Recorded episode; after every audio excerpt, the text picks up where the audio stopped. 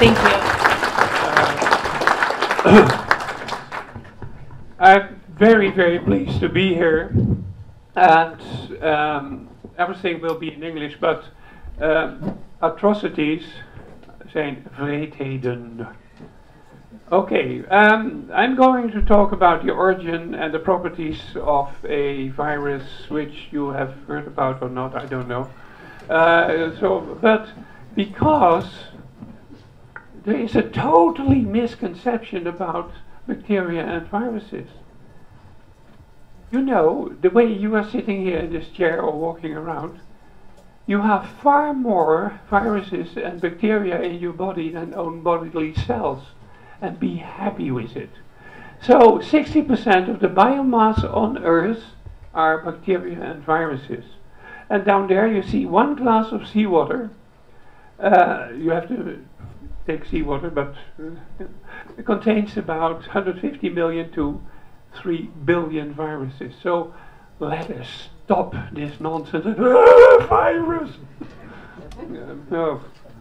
Okay, um, in your body are the number of viruses are about 380 trillion, and trillion is with a lot of zeros. And here is a non-readable uh, section of all type. Uh, oh, there, there it is. Um, uh, unreadable section of all type of RNA, DNA, viruses, and everywhere on, on your skin, in your saliva, there are viruses, and be happy with it. Okay. We're going to focus on uh, the corona genome, and uh, it exists. Uh, a lot of people say viruses don't exist, but those people exist, but viruses also. Uh, and um, if you look at the genome, that is comprised of four letters, which is a, a string uh, of information. We know the binary system with zeros and ones in the computer science, and in biology we have four digits. And the RNA uh, is here depicted, and the number of bits, so the uh, A, U, G, C, uh, those four letters in the RNA are 29,903. Um, later on, I'm going to talk about uh, this genome a little further, but where does it come from? Uh, there are people who have a fantasy and can tell stories you won't believe. Santa Claus is absolutely nothing with it. They say that there was once upon a time there was an ugly bat who had intercourse or whatever with a pangolin. You have never heard about it. And then together they made, and then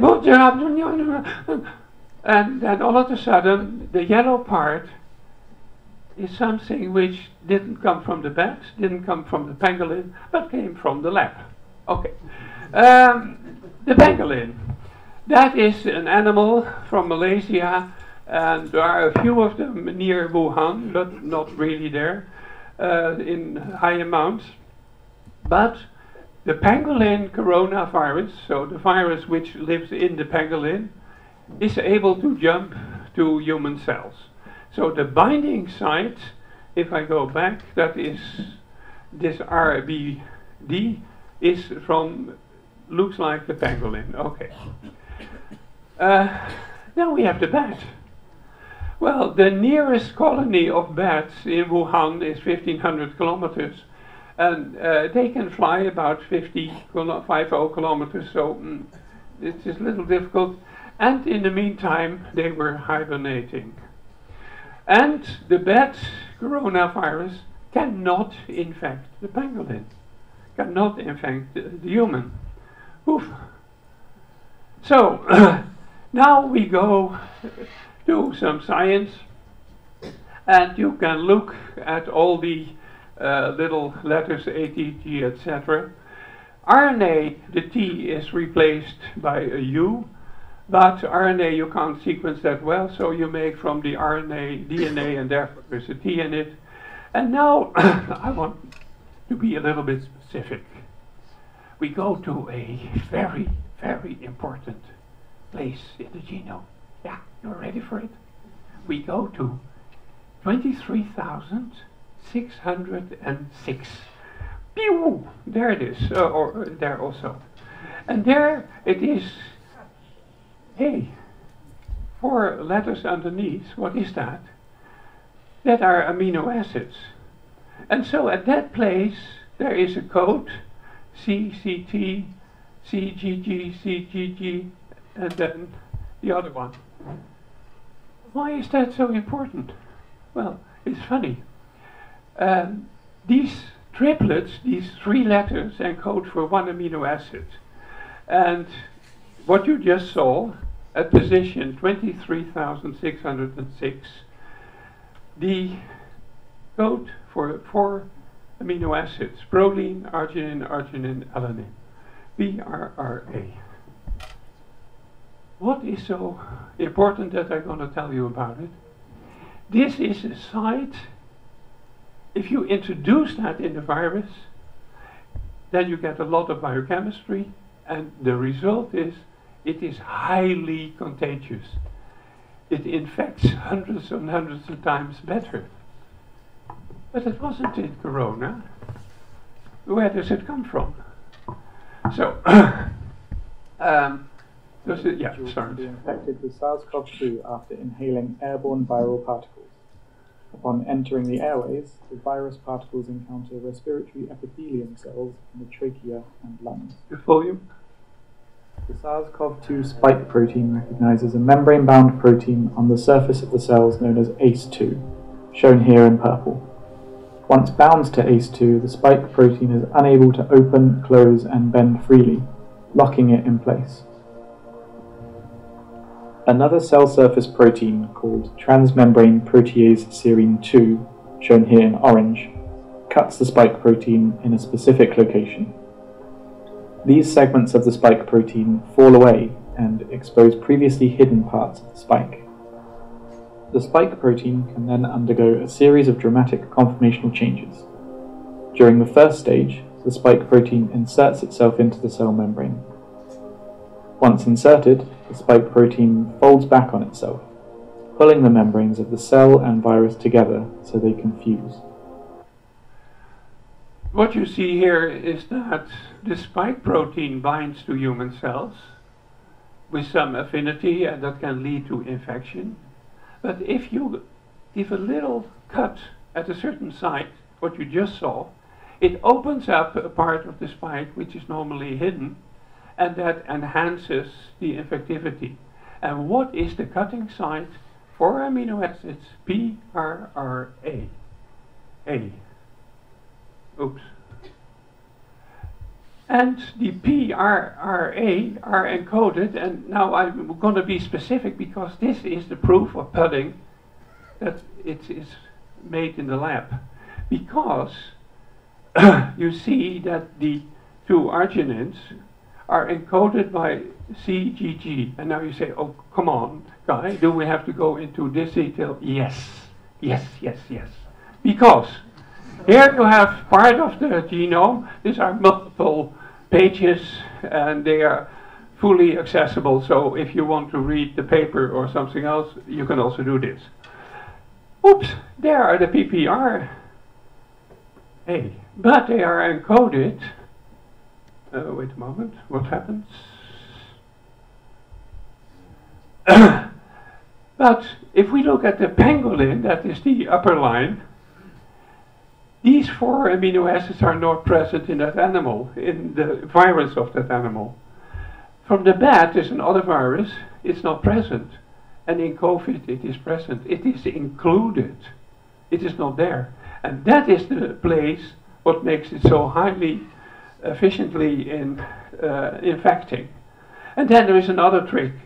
It is put in a way which is totally unnatural, and I don't go into detail, but Cutting it not in frame, it's, it never happens in nature. And now we have the following thing that this arginine, which is vital, is encoded by six combinations of three letters. And CGG is one of these combinations, but they don't occur in viruses of the corona and not ever. That is never used.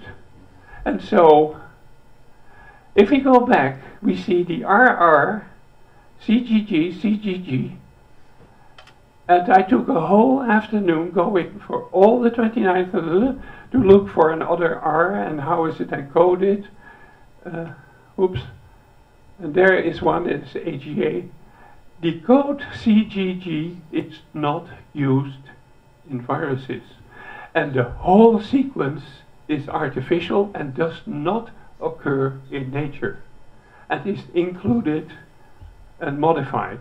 So the whole story about animals infecting each other and cross-reacting is total, not a question, but is nonsense. so where does it come from? Hey, whoops. Okay, there it is the origin. So the virus is artificially made, and there are some other things which I don't go into detail.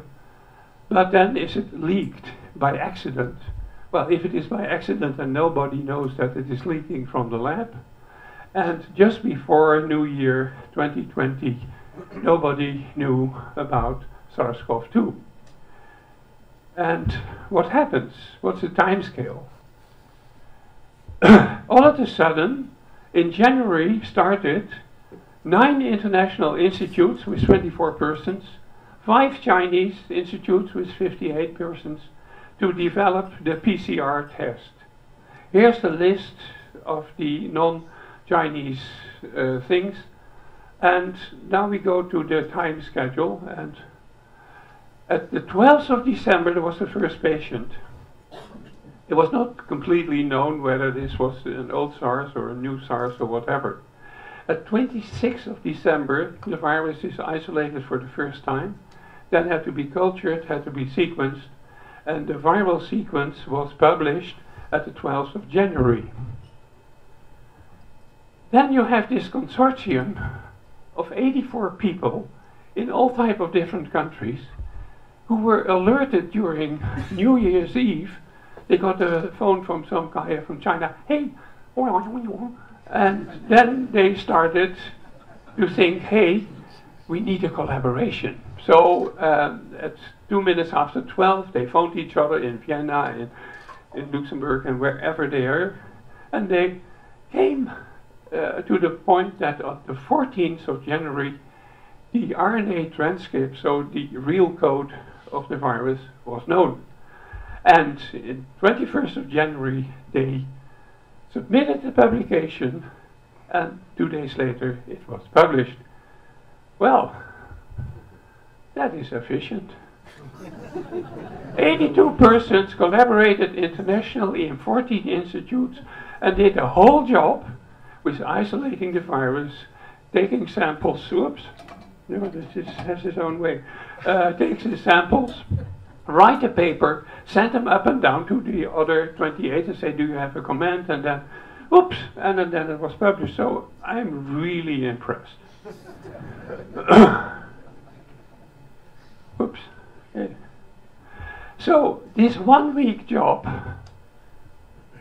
has two, uh, 20, uh, 10 major, but really major mistakes was never corrected, and this is the only proof of the pandemic. Well, thanks a lot. Uh, where do I have to point to? Oh. So we are going back to the Dark Ages and scourge of death. But is that necessary? If you have a, oops, uh, it has some trouble in could be that the battery is low of this thing or... Oh yeah. Okay, so the point is, can that be prevented? You can do the next slide. Um, well, coronavirus can be very heavily uh, and really problematic and you can die of it.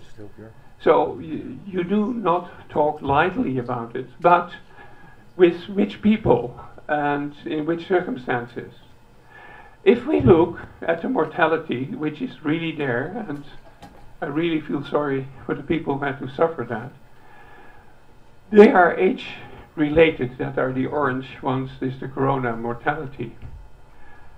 But the natural mortality is parallel. So the people who are elderly and are less uh, healthy are more susceptible. Then you get the infection fatality rate, that means uh, what percentage of people really uh, die from it. And if you take the whole Dutch population, it is uh, 0.23%. But in the age group where there is not much going on, it is 0.05. If you are included in that number, that is terrible. But statistically, uh, it is okay. Now we're going to look, what is the disease itself? You get an infection, it takes about four days to get symptoms, and the end of the infection is a few days later. The virus in this first inf infection only stays, say, for a week.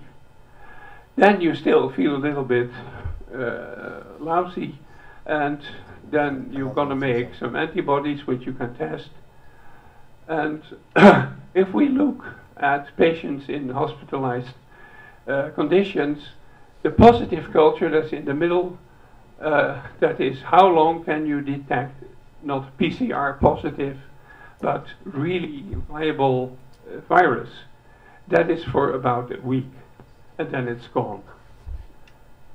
But then it's not all gone.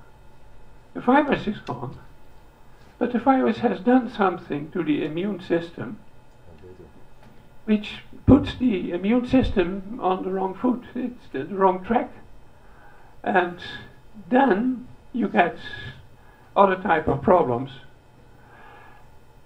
But do we need vaccines? Do we need antibodies? No, we need the natural immunity. And that is what everybody has. And this is a weird example. There are children who cannot make antibodies. They live in plastic tents and a lot of antibiotics. But if they get SARS-CoV-2, they react the same as healthy children. Because the natural immunity is enough, but nobody gives a shit about natural immunity. And they are totally neglect everything. And if we look at the cell membrane, we have the outside, so the blood, the tissues. We have the membrane itself and intracellular. If a virus comes in, then the first thing what happens is the complement system. Most likely, none of you have heard about it. This is the major defense system in your body. It starts to react within milliseconds. It can recognize everything which is non-self, plastic, wood, viruses, parasites. It's a fantastic system. It's so incredibly important that in nature there are no people with a real deficiency in a non-functional complement. That is not possible to live. Okay, now I don't want to shock you, but this is a little bit a system which starts within this one millisecond. And down there is, you see at the, well I can't point at, C5A. Well, there's one of the little products. Yay! It's fun. Virus comes in, activates complement, and I don't gonna tell you because then we need another week. Uh, and then one of the products is C5A. And blood vessels are, if you look at the window, they're similar like that, Venetian blinds. You can open and close them. Who is pulling the cords? C5A. So as soon as you activate complement, your whole blood flow will change. And especially with the so-called vaccine, it's put in the arm.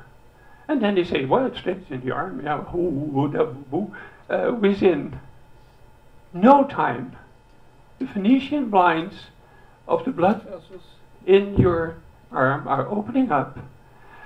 The lipid nanoparticles go into the bloodstream, and within five minutes, they are in the liver, in the brain, in your testes, in your ovaria, in your gut, wherever you want.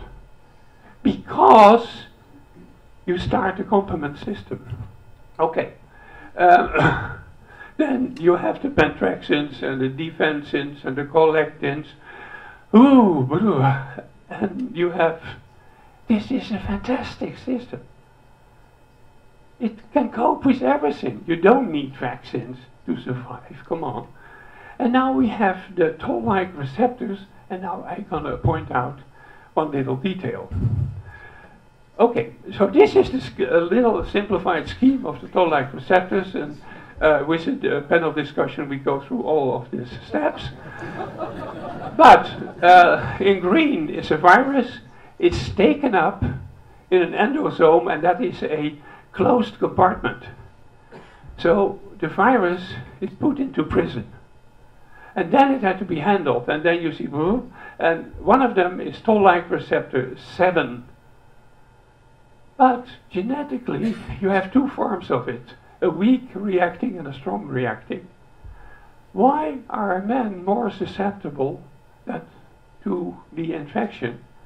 Because if you have a weak form genetically of this receptor, it is sitting on the female chromosome, the X chromosome. And a man has only one.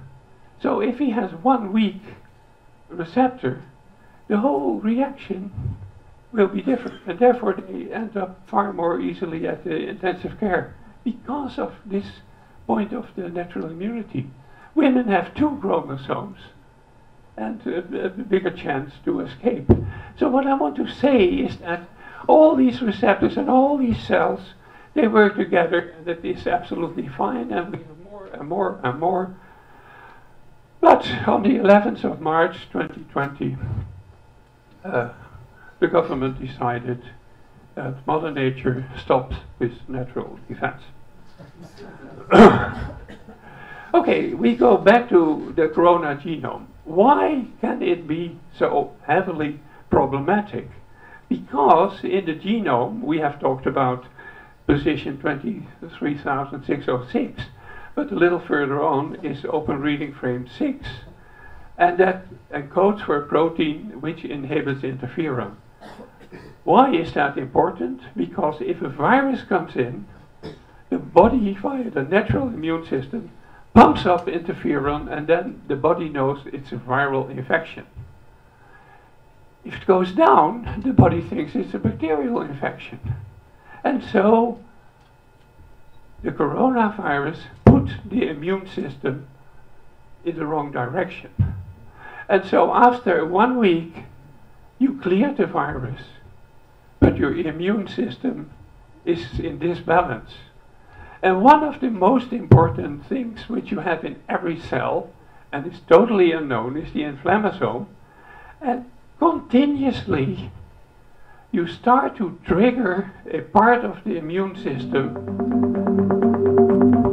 Inside the body, when certain cells sense danger, the immune system springs into action. A tiny molecular structure, the inflammasome, assembles inside of danger sensing cells. Like a sprinkler system activated by smoke, it rains defense signals to help quell the trouble. Normally, a brief shower solves the problem. But in the case of some chronic diseases, ever present trouble causes the system to sense constant danger, igniting a damaging defensive storm. So, what happens is that the natural system gets rid of corona within a week, you are ill, and uh, we will hear later about uh, proper treatments. But this whole network of interacting cells with communicating proteins is very complicated and that is put in a wrong position. And you can handle that, but that makes you sick if this is wrong because it uh, attacks your lungs as if there was a bacterial infection, but there isn't. Cells come in and develop in the uh, tissues in a way so this can be in disbalance for weeks, for months, and can be lethal. This is called long COVID. Is that necessary? Well, not really. So if you come into that stage, you only have to act on the disbalance.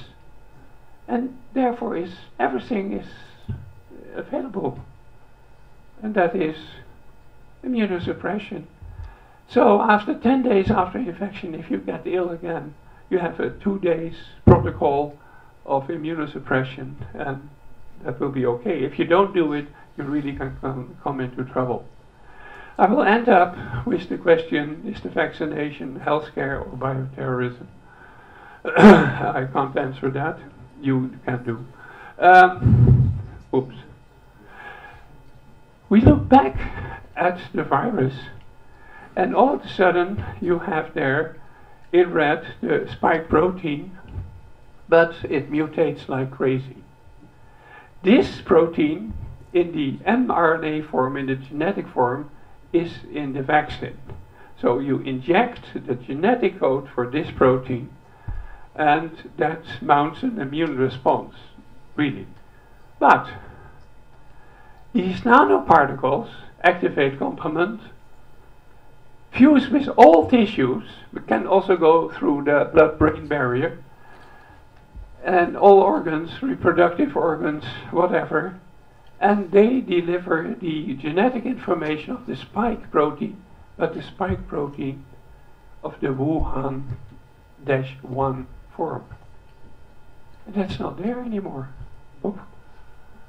but, so you're going to express after vaccination this protein, but spike is highly toxic.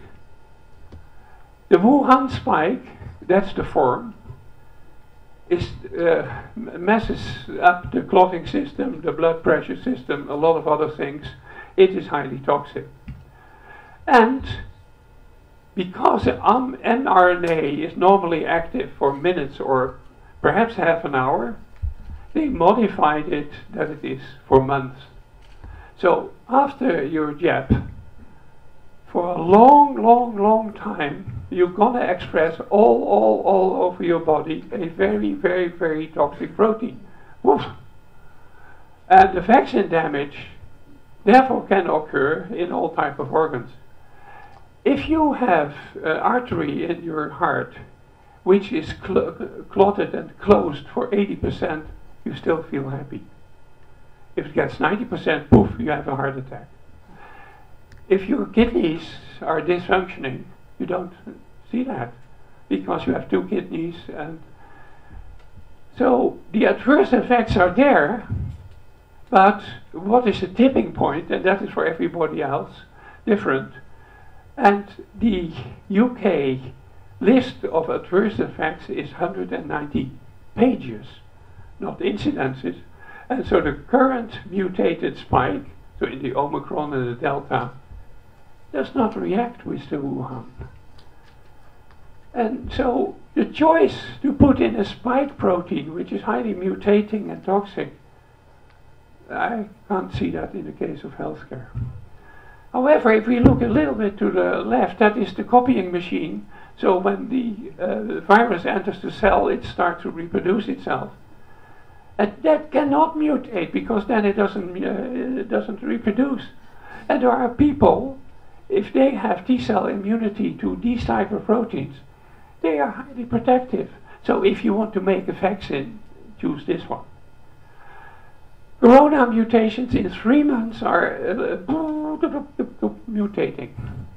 Now, since a long time, it's known that vaccines cannot be made for rapid mutating viruses. And this is the, yeah, why should you make it? And, can you get it one for further, uh, one slide further? Yeah. So in the middle in gray is the original Wuhan form. It mutated. There are tens of thousands mutants, which forms a clade. They say that a family, and you have the Delta family, and uh, and now we have the Omicron and the Gamma and whatever. If we look how terrible is this infection, then we have the fatality rate which at a certain point is 0.23%, and that was in the period that delta was dominant. So delta has a type of effectivity which is very high, but uh, how much damage does it do? Then came Omicron and pushed out delta in a few days, but has a far lower infectivity. And then there are now new forms, BA4 and BA5, which is a little higher. But uh, so the virus, what is also a difference in the Omicron, it doesn't come further than uh, the upper uh, tract of the airway and not into the lungs. And so we see that if you want to make a vaccine and have viral immunity, everybody is talking about antibodies, beautiful molecules, I love them. But antibodies only work when the virus has replicated, so one virus goes in the cell, you have so many billions formed. When they pop out, then antibodies can, can, uh, can get rid of them. But in 95 or 98% of the time, the virus is inside the cell and you need cytotoxic T cells. So if you want to vaccinate, aim at cytotoxic T cells with the proper antigen, which is not mutating, and don't aim at the antibodies, but they don't do much. So if we infect the nanoparticle, you get all type of reaction patterns, but with the natural immune system, which is highly complicated, the nanoparticles drives the immune response not in the proper way for viral protection. Oops. So we have now injected the Wuhan spike and indeed on the binding site on the top, uh, there are antibodies who bind to it and neutralize. They do have a clinical effect, absolutely. Not that much, but okay. Now, the mutant you see there is different. And then the neutralizing antibody, oops, cannot bind. But there are antibodies against other parts, but I can't explain their mechanism. They don't neutralize, but they enhance the disease. So with your vaccination, you lose the positive effect and enhances the negative. Well, uh, now we see that the Omicron is mutating in BA4 And why do I show these details? On top, where these letters are, that's the binding place and they don't react with the vaccine. But the other antibodies, the antibody dependent enhancement at the blue sites, still can bind. But the BA5 and 4 are mutating by which the antibody binds better. So therefore the infection enhancing antibody obtained by vaccination enhances the disease. Oops. Yeah, so this binding is better and it's not protective, but it's negative. Uh, so vaccination enhances the infection. Neutralizing antibodies only react with the Wuhan spike or closely related spikes, but they don't exist on Earth anymore. Uh, then enhancing antibodies reacts better with mutants. So what is the question? The wrong a way of dosing it's the nanoparticles which have the wrong side, the wrong antigen, the wrong this, the wrong that. Uh, so, but therefore release the monkeypox. And uh, we are sitting here because you are all against the truth. The truth is defined by a dogma a principle laid down by an authority, and we know the authority, we talk about them later, and is indisputable true. You cannot argue with a dogma, and that is already for a very, very long time. And uh, what are these people called? Uh, complot thinkers? Well, some, some weird things. And then all of a sudden, they say no vaccine Come on! Hang them high! and what is new. And so, yeah, uh, oh, I'm absolutely on time. Look at this, because this is the last slide. Thank you so much.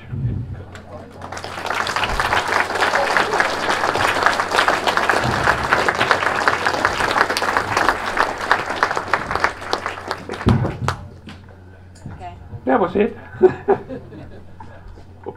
All right, uh, Pierre Capel, thank you very much for that presentation. Again, a round of applause for our very first speaker. Fantastic way and a very uh, informative uh, discussion we had. Again, a, a, really great introduction to this event. So once again, a round of applause for our first speaker.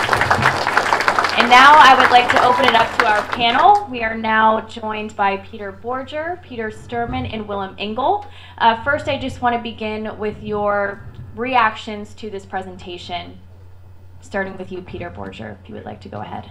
All right, thank you very much, Pierre, for this beautiful presentation. It also had a lot of uh, information, I think, for everybody, and it was good to hear all these, yeah, the summary of what what of your knowledge, and there were even some things uh, here that I hear also uh, not so often. So I was very impressed by your uh, summary of, of of the whole um, immunological um, um, business, we can say.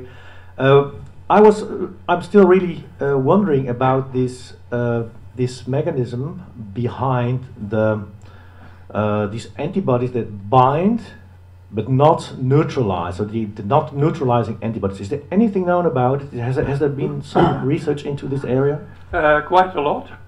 Um, uh, the antibody is Y-shaped. Here it has its binding sites, and here it has its biological effects. That part of the molecule is called the Fc fragment. So if a antibody binds to whatever, you have to have a reaction, and the reaction goes through this tail part. And if it is a fungus, or it is a parasite, or it is a this or a that, every infection has its own reactivity, and therefore the tail of the antibody has different forms. But if it has a different form, it has to cooperate with the natural immunity, with the acquired immunity, with white blood cells, with whatever. And the interconnection between the bound antibody and the immune system in its broader sense is called the FC receptor. So, and now uh, there are many FC receptors there are enhancing uh, and inhibitory things. So uh, to answer your question specifically, which the audience doesn't want to hear, is the CD32B variant, which is inhibitory and pokes around with other things, but that goes too far in detail. But the connection between antibody and immune system is highly complex by a broad family of FC receptors and depending on the type of antibody and a lot of other things, you do or do not get a reaction. If an antibody cannot neutralize and is of the IgG1 class, which is by the vaccine, which is totally stupid, it should be IgA, but I can't go into that. Everything is wrong about it.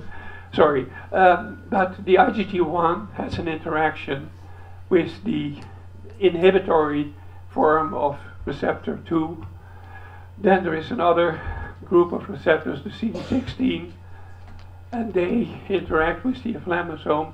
So this antibody, which binds to spike, do not neutralize, is of the wrong tail, starting a lot of trouble.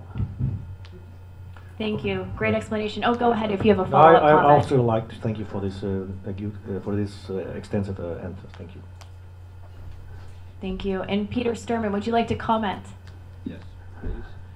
Um, well, thank you, Pierre. Um, I am not a scientist.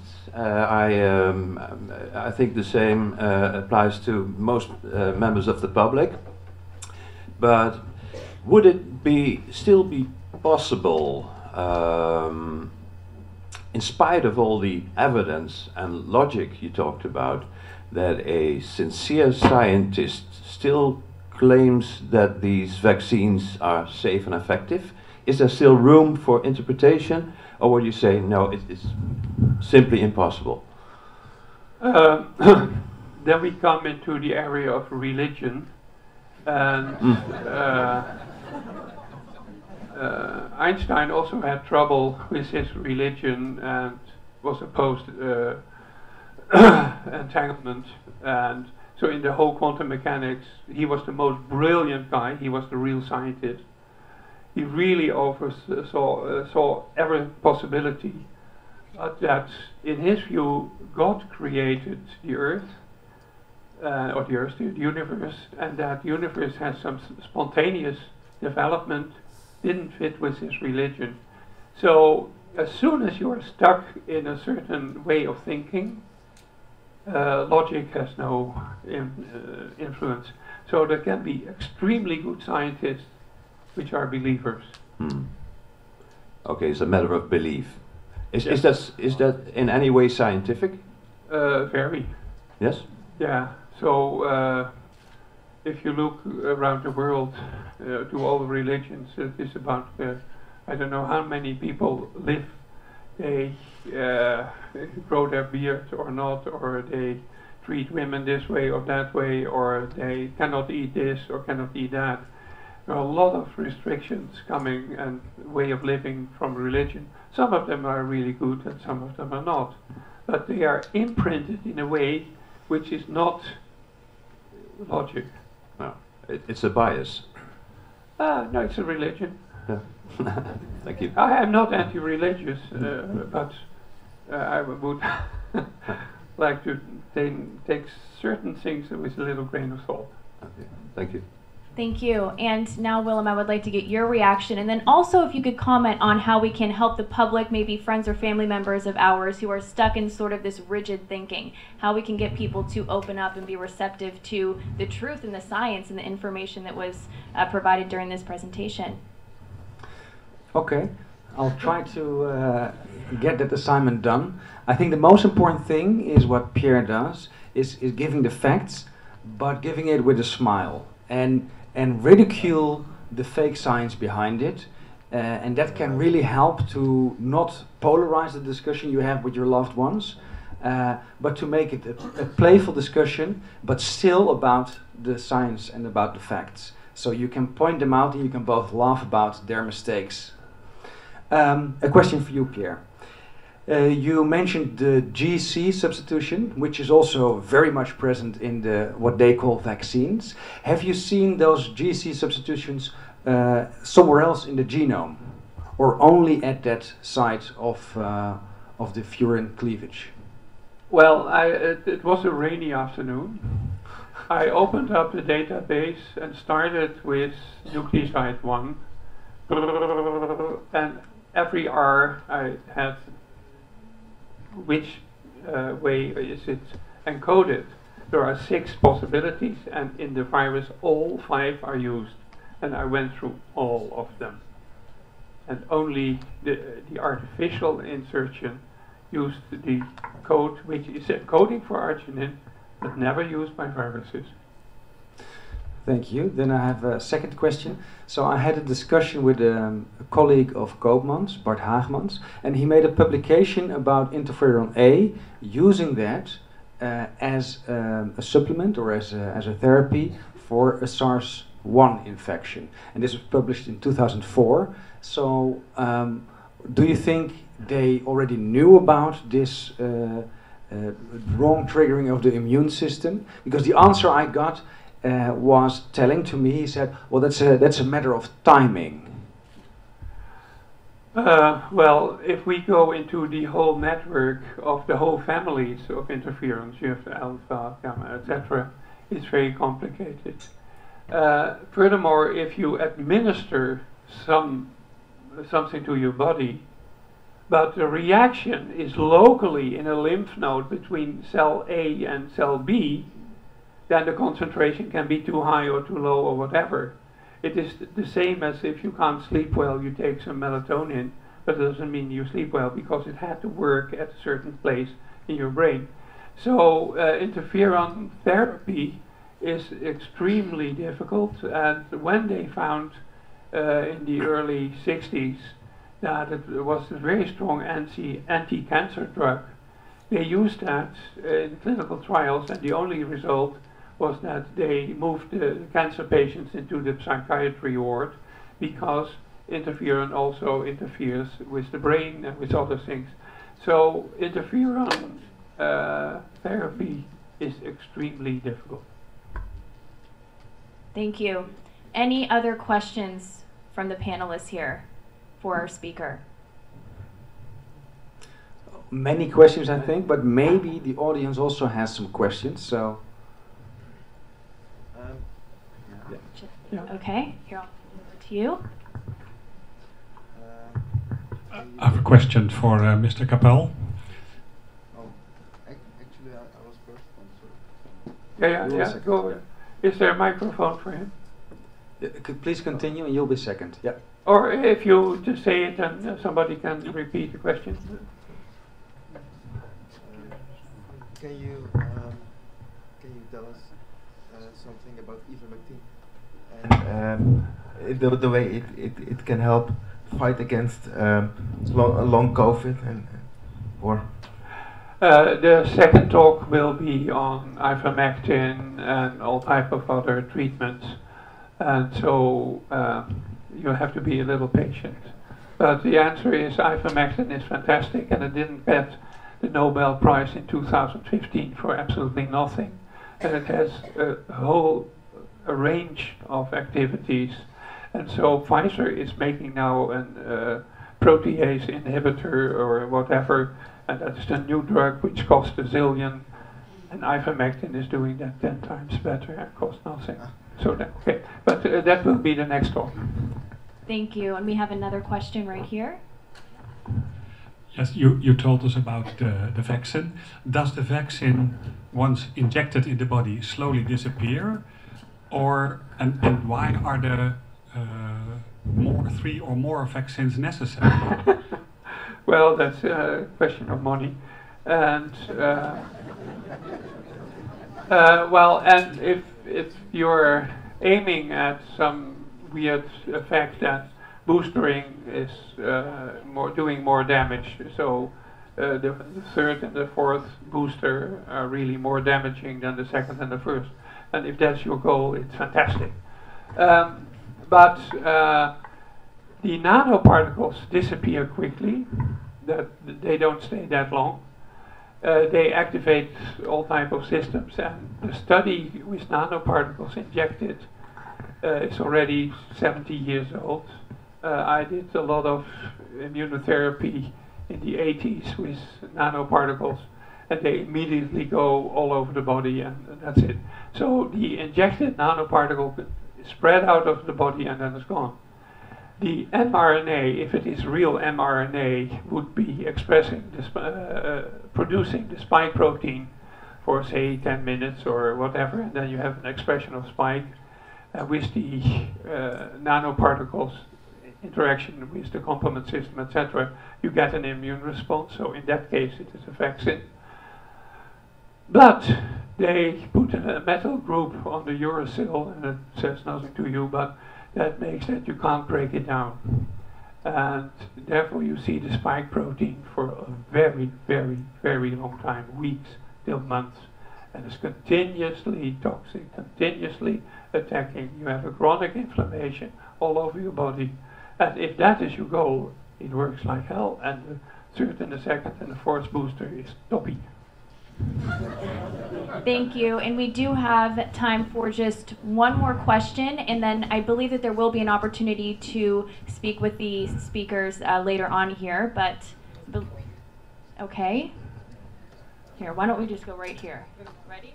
Uh, thank you very much for getting the microphone. Mr. Capel, what, what is true about graphene in the uh, injections, in the jab? Uh, the honest answer is I have no clue. Uh, I personally I have no data on it. Uh, what I hear is that in different batches, different components are added besides the mRNA containing uh, uh, nanoparticles. So I really can't answer it. But what is a function of graphene, which is just a carbon layer, uh, that can enhance when it's oxidized at certain points the immune system. So it can be seen as a stimulant, but it is also possible as doing other things. And I have no idea in which batch, how much, and if there is any graphene. And I think that uh, there is a whole lot of conversation that uh, the, the, the, vaccination is not a one uh, formula, but many, many, many different ones. And for politicians, it's more like sailing.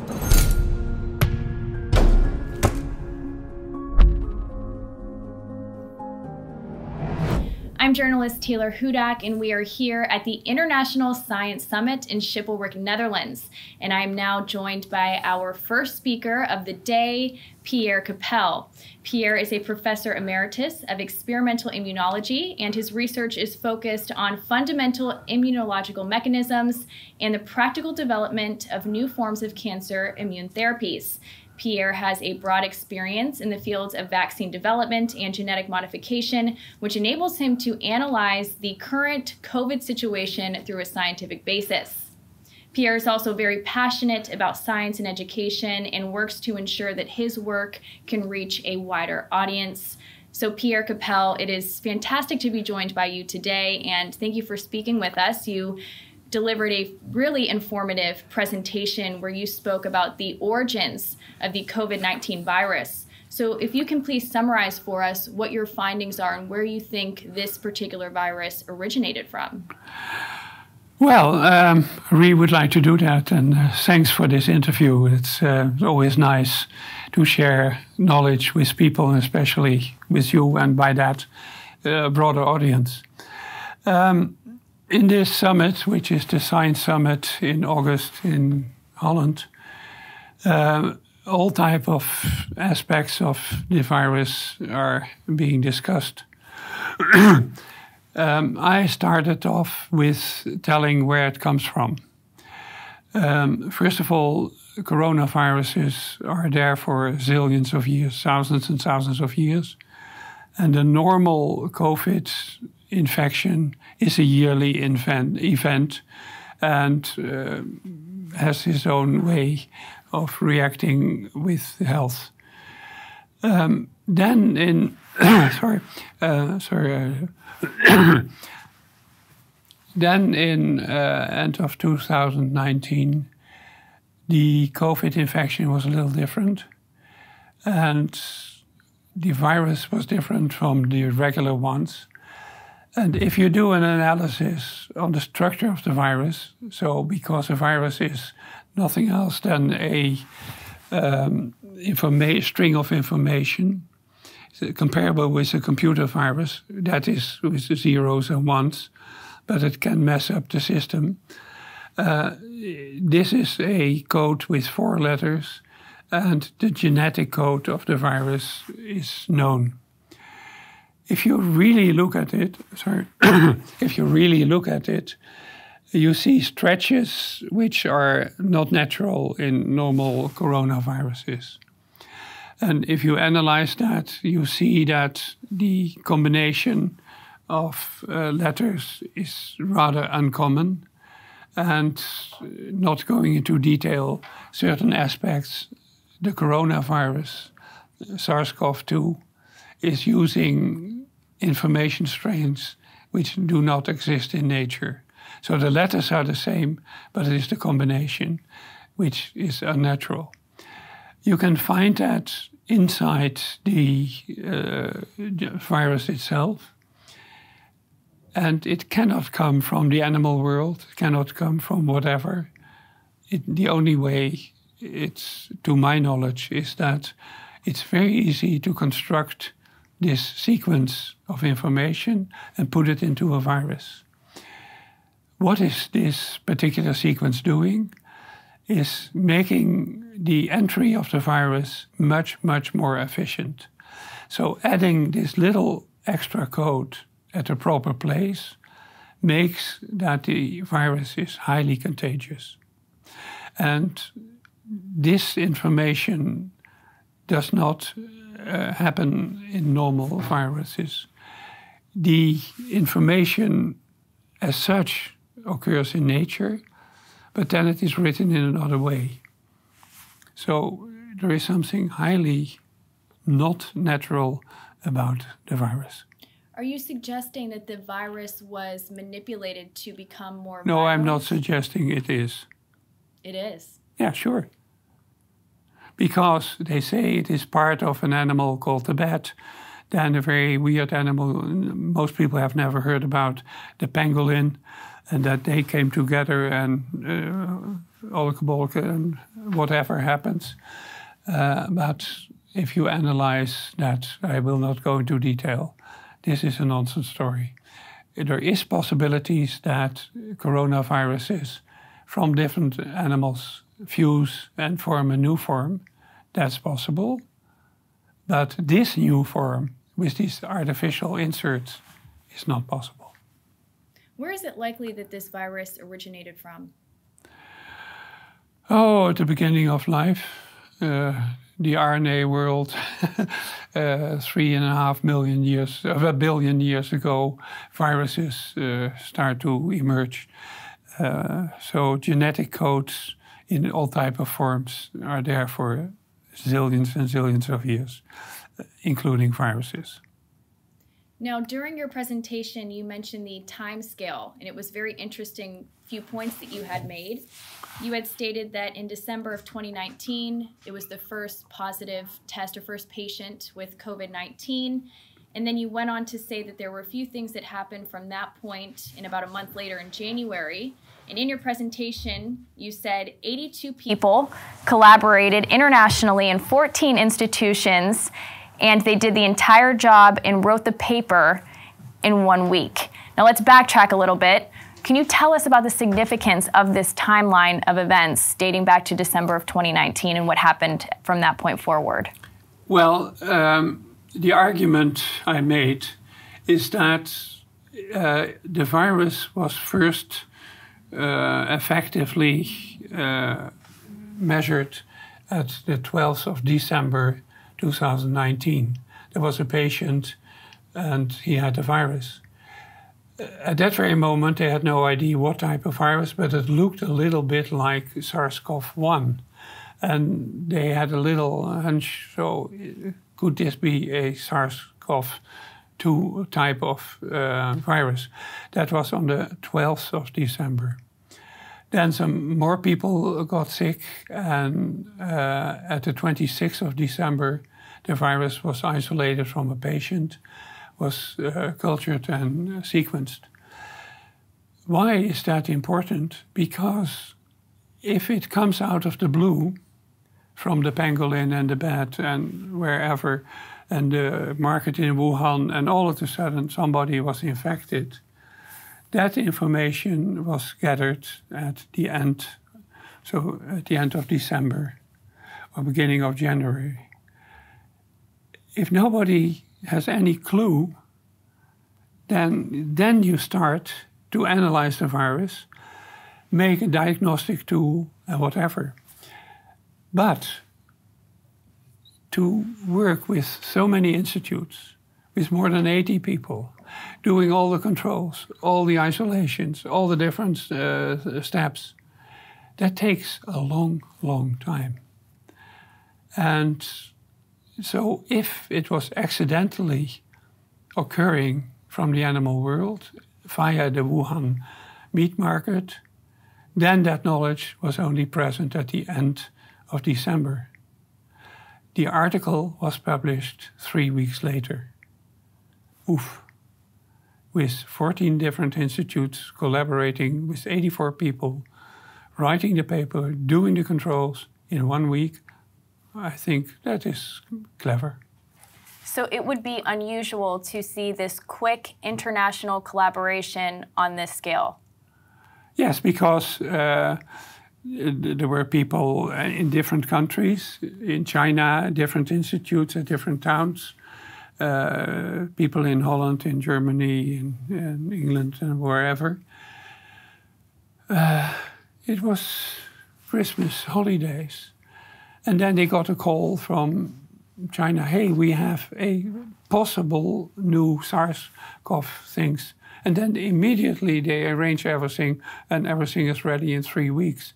Uh, I really admire that.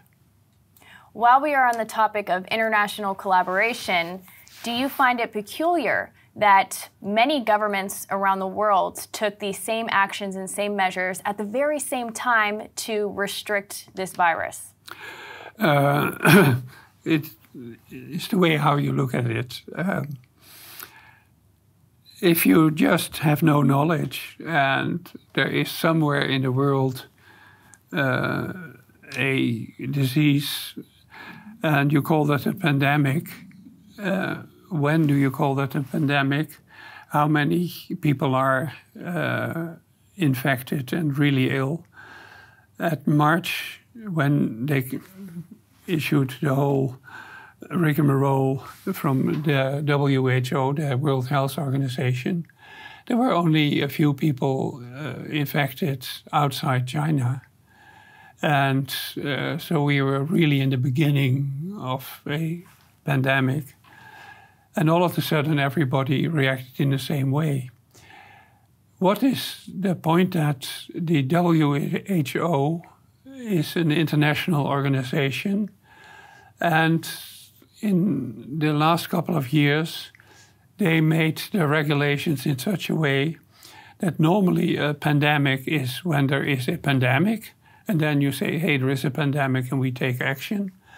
But in uh, some years before that, they changed their rules that if a pandemic could be expected by computer models or whatever, then uh, you can already put some measures on the table and tell governments what to do.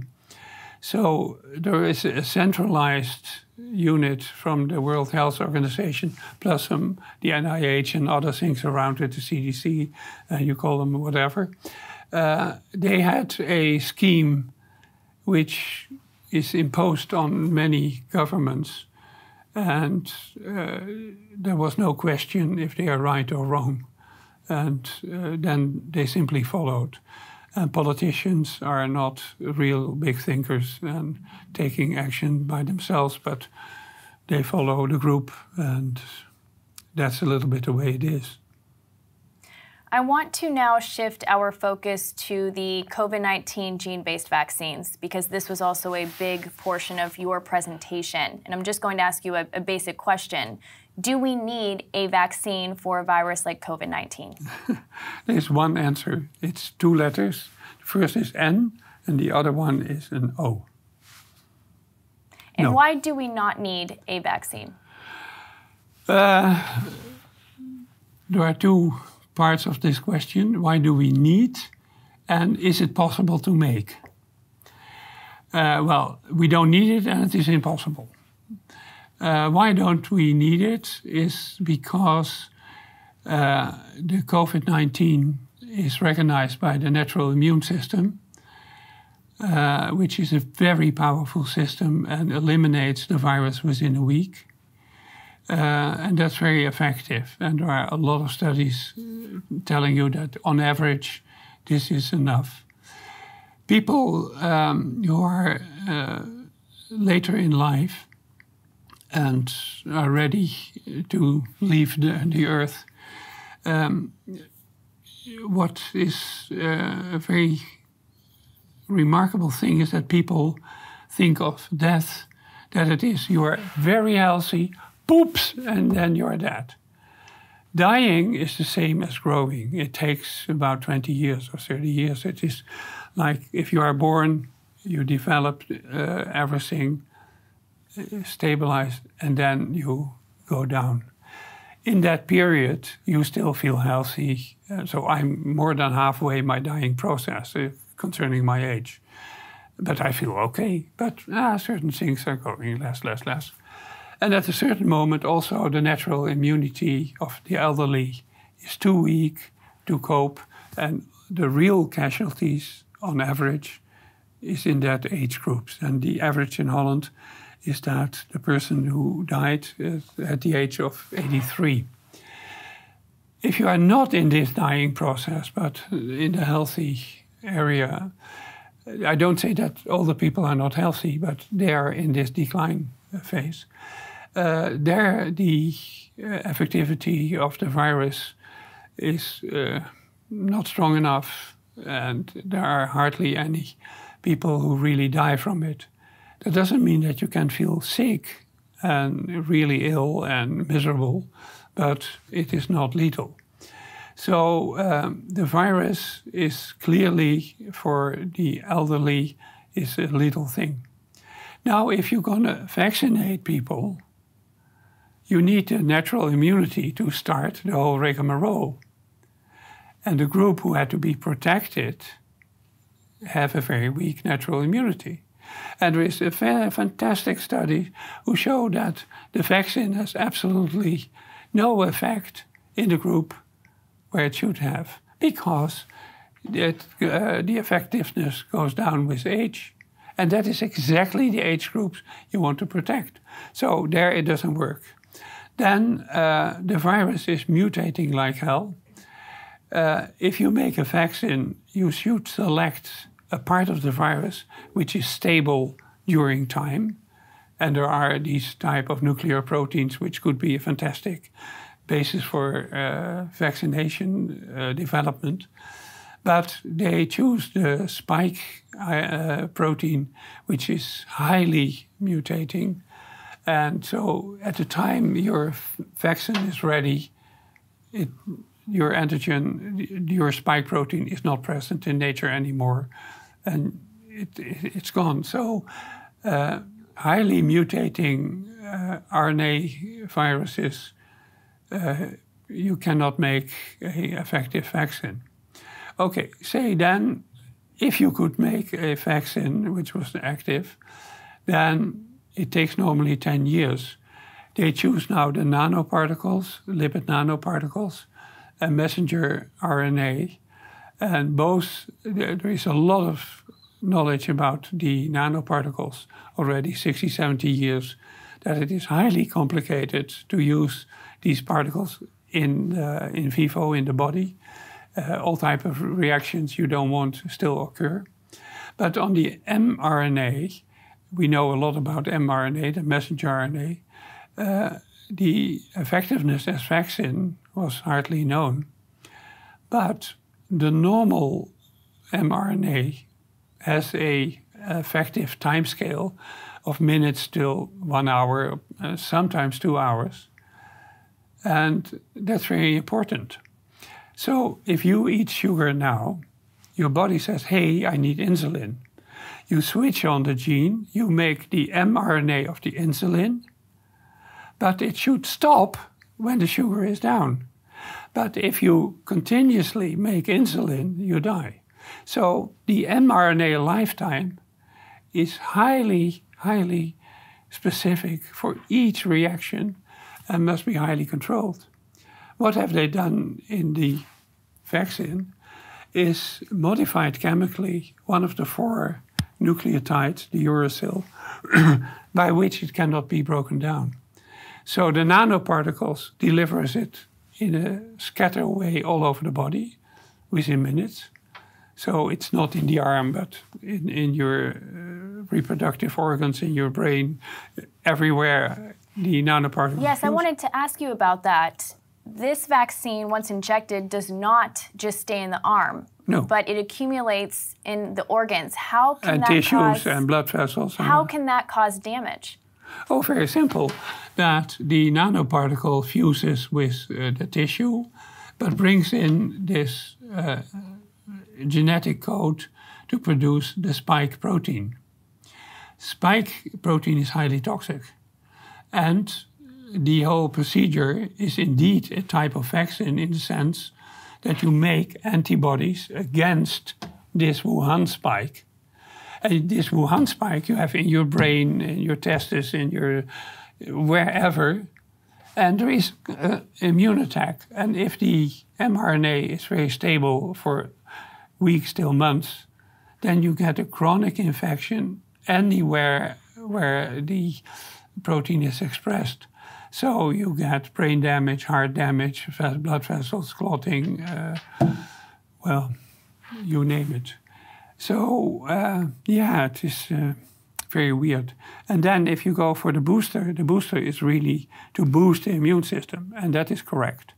So the booster boosts the immune response against the Wuhan type of spike, who is not present in the virus anymore. Omicron is not reacting with the antibodies, uh, which have a neutralizing capacity. And so you introduce more and more and more of this old type of spike all over your body and pumps up the immune system to attack. So you end up with a type of autoimmunity. Furthermore, Spike is doing a lot of other things with DNA repair systems by which uh, tumor development is changed, and uh, there is a lot of things to say.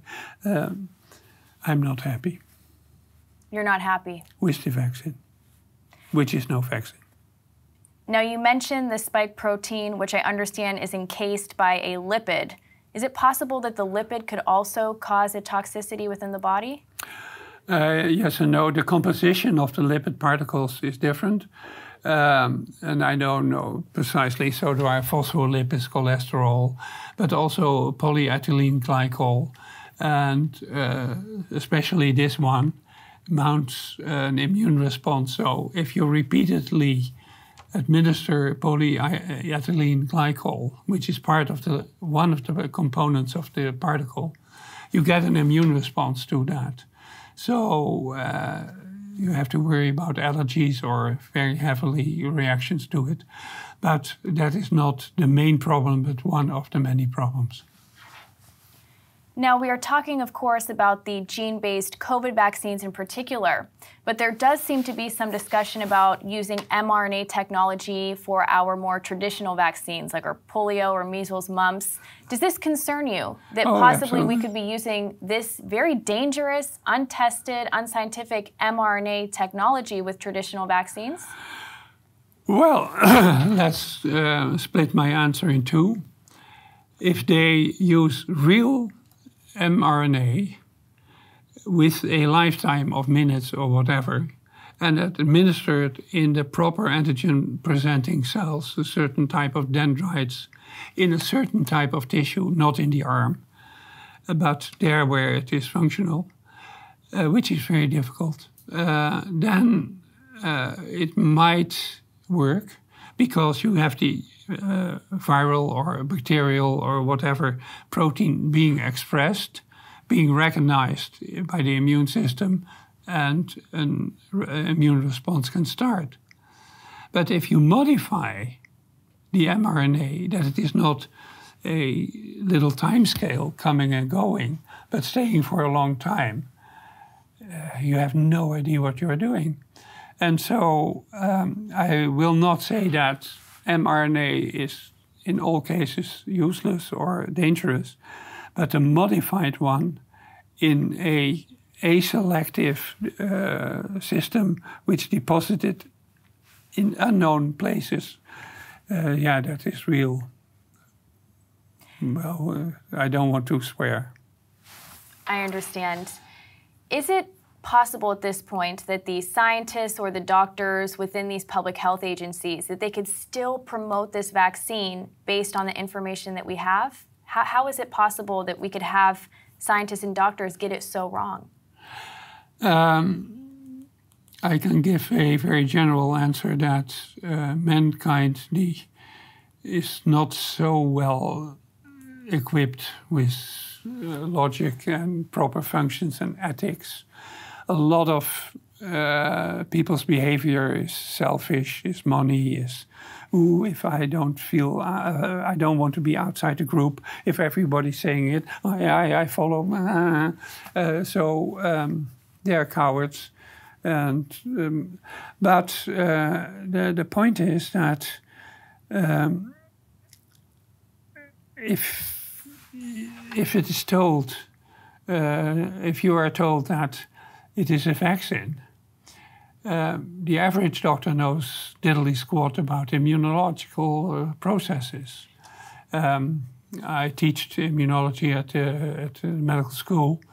And when the students came uh, one week later after the exam, uh, I want to have another grade. I said, okay, sit down. And we talk. Yeah, but that was a week ago. I, that, that. So the knowledge is, has a very short hard life, half life.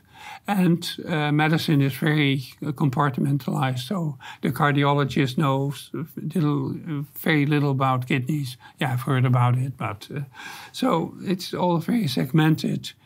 Whereas the whole process of vaccination and infection is a whole body area. and so, uh, well, I'm astonished. You're astonished. Can you expand on why? Well, that the amount of stupidity is so big. Uh, but uh, we have another example. Uh, if you ask somebody about cholesterol, then it should be low. Well, that is the biggest scam on earth.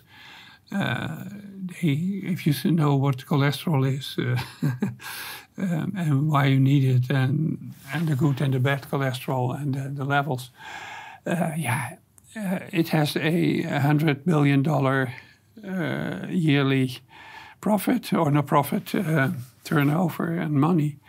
And so there are many weird medical actions, including the COVID vaccine. I think as people are learning more information and as there's been a push for a third and fourth booster shot, there are some people who perhaps received a first or second dose of this vaccine who are now waking up to the fact that they don't want to get a booster. Maybe they were manipulated or, or led into getting this vaccine, perhaps pressured into getting this vaccine. What would you advise to someone who maybe received one or two doses and is a little bit concerned right now? What would you tell them? Uh, well, the point is that uh, it's ain't no use what I tell them because uh, the whole vaccination program is based on fear and anxiety and danger, and, uh, but in a uh, untouchable form. Uh, the danger is around us, and um, anxiety is processed in the brain in a totally different area. Uh, it's in the limbic system, in the amygdala, than logic, which is in the cortex. And logic, logic has no connection with fear. So if you are afraid of spiders, I can talk and talk and talk, but you still will be afraid of spiders. And if they say that the vaccine will protect you, I know a lot of people who have very, very serious side effects, but it is not possible from the jab. Beloved ones die, and they say, oh no, it can't be from the jab and autopsy is pro- prohibited. Oh, don't touch the anxiety. So um, I hope that people uh, have their own ideas, and I can't preach what to do. Well, thank you. I think education is so important. I know it's also something that you are very passionate about. So, again, thank you for taking the time to speak with me and speak at this conference. Dr. Pierre Capel, thank you. Thank you so much. Thank you. And I want to thank you all for watching. You can catch more interviews at voorwaarheid.nu. Deze video is mogelijk gemaakt door